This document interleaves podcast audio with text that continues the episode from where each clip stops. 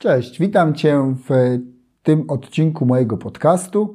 Dzisiaj temat Policy Domain Aruby w wersji 8.6 Aruba OS, czyli w najnowszej funkcjonalności, która w 8.6 została dodana i omówię na czym ona polega.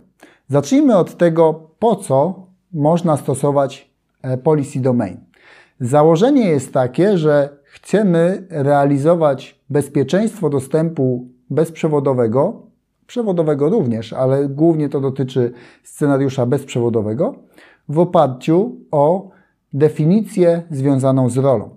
Czyli najpierw, co to jest rola dla tych, którzy nie słyszeli o tym pojęciu roli w Arubie.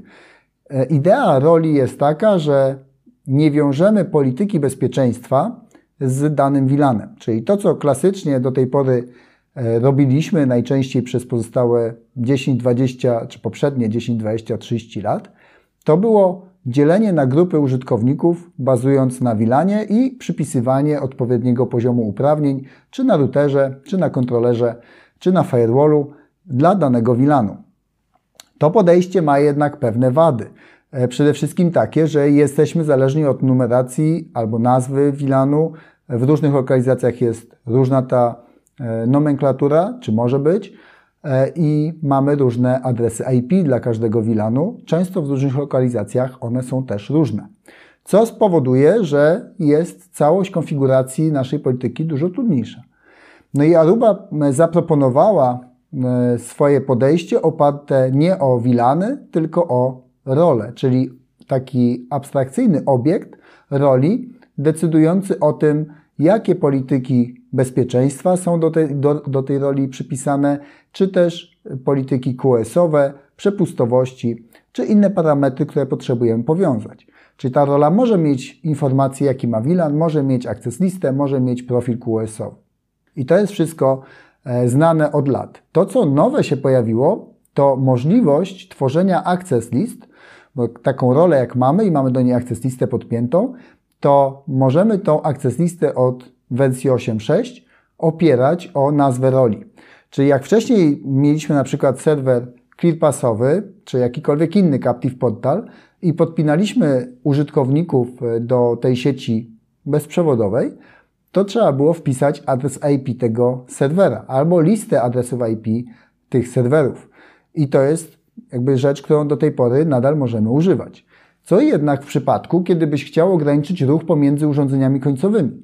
Czyli mamy typowo IoT i mamy podział, że ta grupa użytkowników, jedna, może się łączyć z tą grupą, ale już trzecia grupa użytkowników nie może się łączyć z tymi dwiema. Więc jeżeli masz taką sytuację, że chciałbyś segmentować dostęp pomiędzy hostami, no to trzeba jakoś po pierwsze te hosty oznaczyć, a po drugie w jakiś sposób zbudować politykę. I oczywiście można tą politykę zbudować w oparciu o konkretną e, klasę adresową, czyli IP z klasy imaska, tylko jeżeli masz na przykład tych sieci 100 e, w różnych lokalizacjach rozsianych i ty byś chciał teraz powiązać, co z czym może się łączyć, to, to jakby zarządzanie tym całym E, profilem bezprzewodowym i access listami z tymi związanymi jest praktycznie niezarządzalne. W związku z tym Aruba zaproponowała inne podejście. Czyli jak mamy w dostępie do sieci określoną rolę, czyli mamy rola kamera, rola pracownik, rola zarząd, rola telefon mobilny, urządzenie zewnętrzne, gościnny dostęp, to mamy różne role w tym naszym dostępie bezprzewodowym. I teraz, skoro te role mamy określone, to może zróbmy mechanizm automatyczny po stronie kontrolerów, który tłumaczy nam, e, na, oczywiście na IP, tłumaczy nam, że jeżeli użytkownik A idzie do użytkownika B, ale oba, obaj użytkownicy są w różnych rolach, to on może albo nie może dla pewnego, e, dla pewnej części ruchu ten, ten, e, tą transmisję zrealizować. Czyli możemy tutaj reguły access listy pisać pomiędzy różnymi grupami co jest z założenia bardzo dobrym pomysłem. Ok, ale co w momencie, kiedy mamy tych kontrolerów wiele? Czyli jeżeli mówimy o jednym kontrolerze, no to jeden kontroler ma pełną informację o wszystkich użytkownikach, rolach, które na nim występują, o wszystkich adresach IP. Ale jeżeli mamy tych kontrolerów 10, 20, więcej, mamy różne klasy kontrolerów, to jak zbudować politykę access listy, która będzie spójna. No i Aruba Policy Domain jest właśnie rozwiązaniem na te wiele kontrolerów. Czyli wyobraź sobie, że masz grupę kontrolerów, może być ich 10, 12 i więcej, e, i możesz wpisać listę tych kontrolerów, a Mobility Master, który jest nadrzędny nad tymi wszystkimi kontrolerami, on tą informację zbiorczą sumuje, czyli on będzie wiedział, jakie kontrolery są w domenie danej polityki, jakie tam role występują, jacy użytkownicy w tych rolach występują. Ten Mobility Master, nadrzędny kontroler, będzie miał te wszystkie informacje. A skoro ma te wszystkie informacje, to on może wysyłać te informacje do kontrolerów, które e, mapują konkretnych użytkowników. Czyli podłącza się nowy użytkownik, ma e, konkretną rolę, ta rola ma access listę i ten Mobility Master może wysłać do tego kontrolera informację, jeżeli ten użytkownik, który się podłączył, nie może się łączyć z rolami ABC, to te role ABC to mamy takich użytkowników na takich kontrolerach, czyli jest w stanie to przetłumaczyć. A jeżeli jest w stanie przetłumaczyć, to może to dla kontrolera przygotować jako zrozumiała forma w oparciu o IP, w oparciu o e, klasyczną formę access listy. Tyle tylko, że ten mechanizm tłumaczenia i zestawiania użytkowników jest dynamiczny. W związku z tym nie musimy my jako administratorzy tego e, wysiłku podejmować.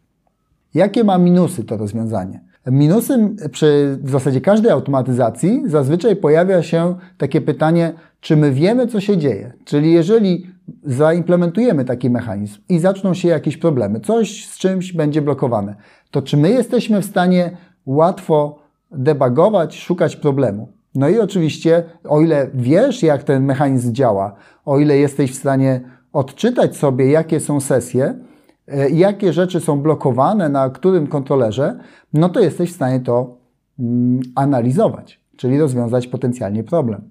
Więc to są zawsze takie plusy i minusy. Im więcej zaawansowanych funkcjonalności dodajemy, tym bardziej skomplikowane się rozwiązanie staje, a im ono jest bardziej skomplikowane, tym trudniej jest wyszukiwać błędy i je redukować. Więc to są plusy i minusy. Generalnie uważam, że to podejście jest bardzo wygodne i bez wątpienia e, cała sieć będzie szła w stronę większej automatyzacji i przykład Policy Domain jest jednym z takich, e, z takich technologii, jedną z takich technologii, jedną z przykładów. Jeżeli masz do tego jakieś pytania, to oczywiście zachęcam Cię do napisania w komentarzu. Jeżeli chcesz zobaczyć konfigurację, to w najbliższym odcinku poniedziałkowym możesz zobaczyć, jak się konfiguruje taką politykę. Jest to relatywnie prosta, e, prosty schemat konfiguracji. A na dzisiaj Ci dziękuję za uwagę i do usłyszenia już za tydzień.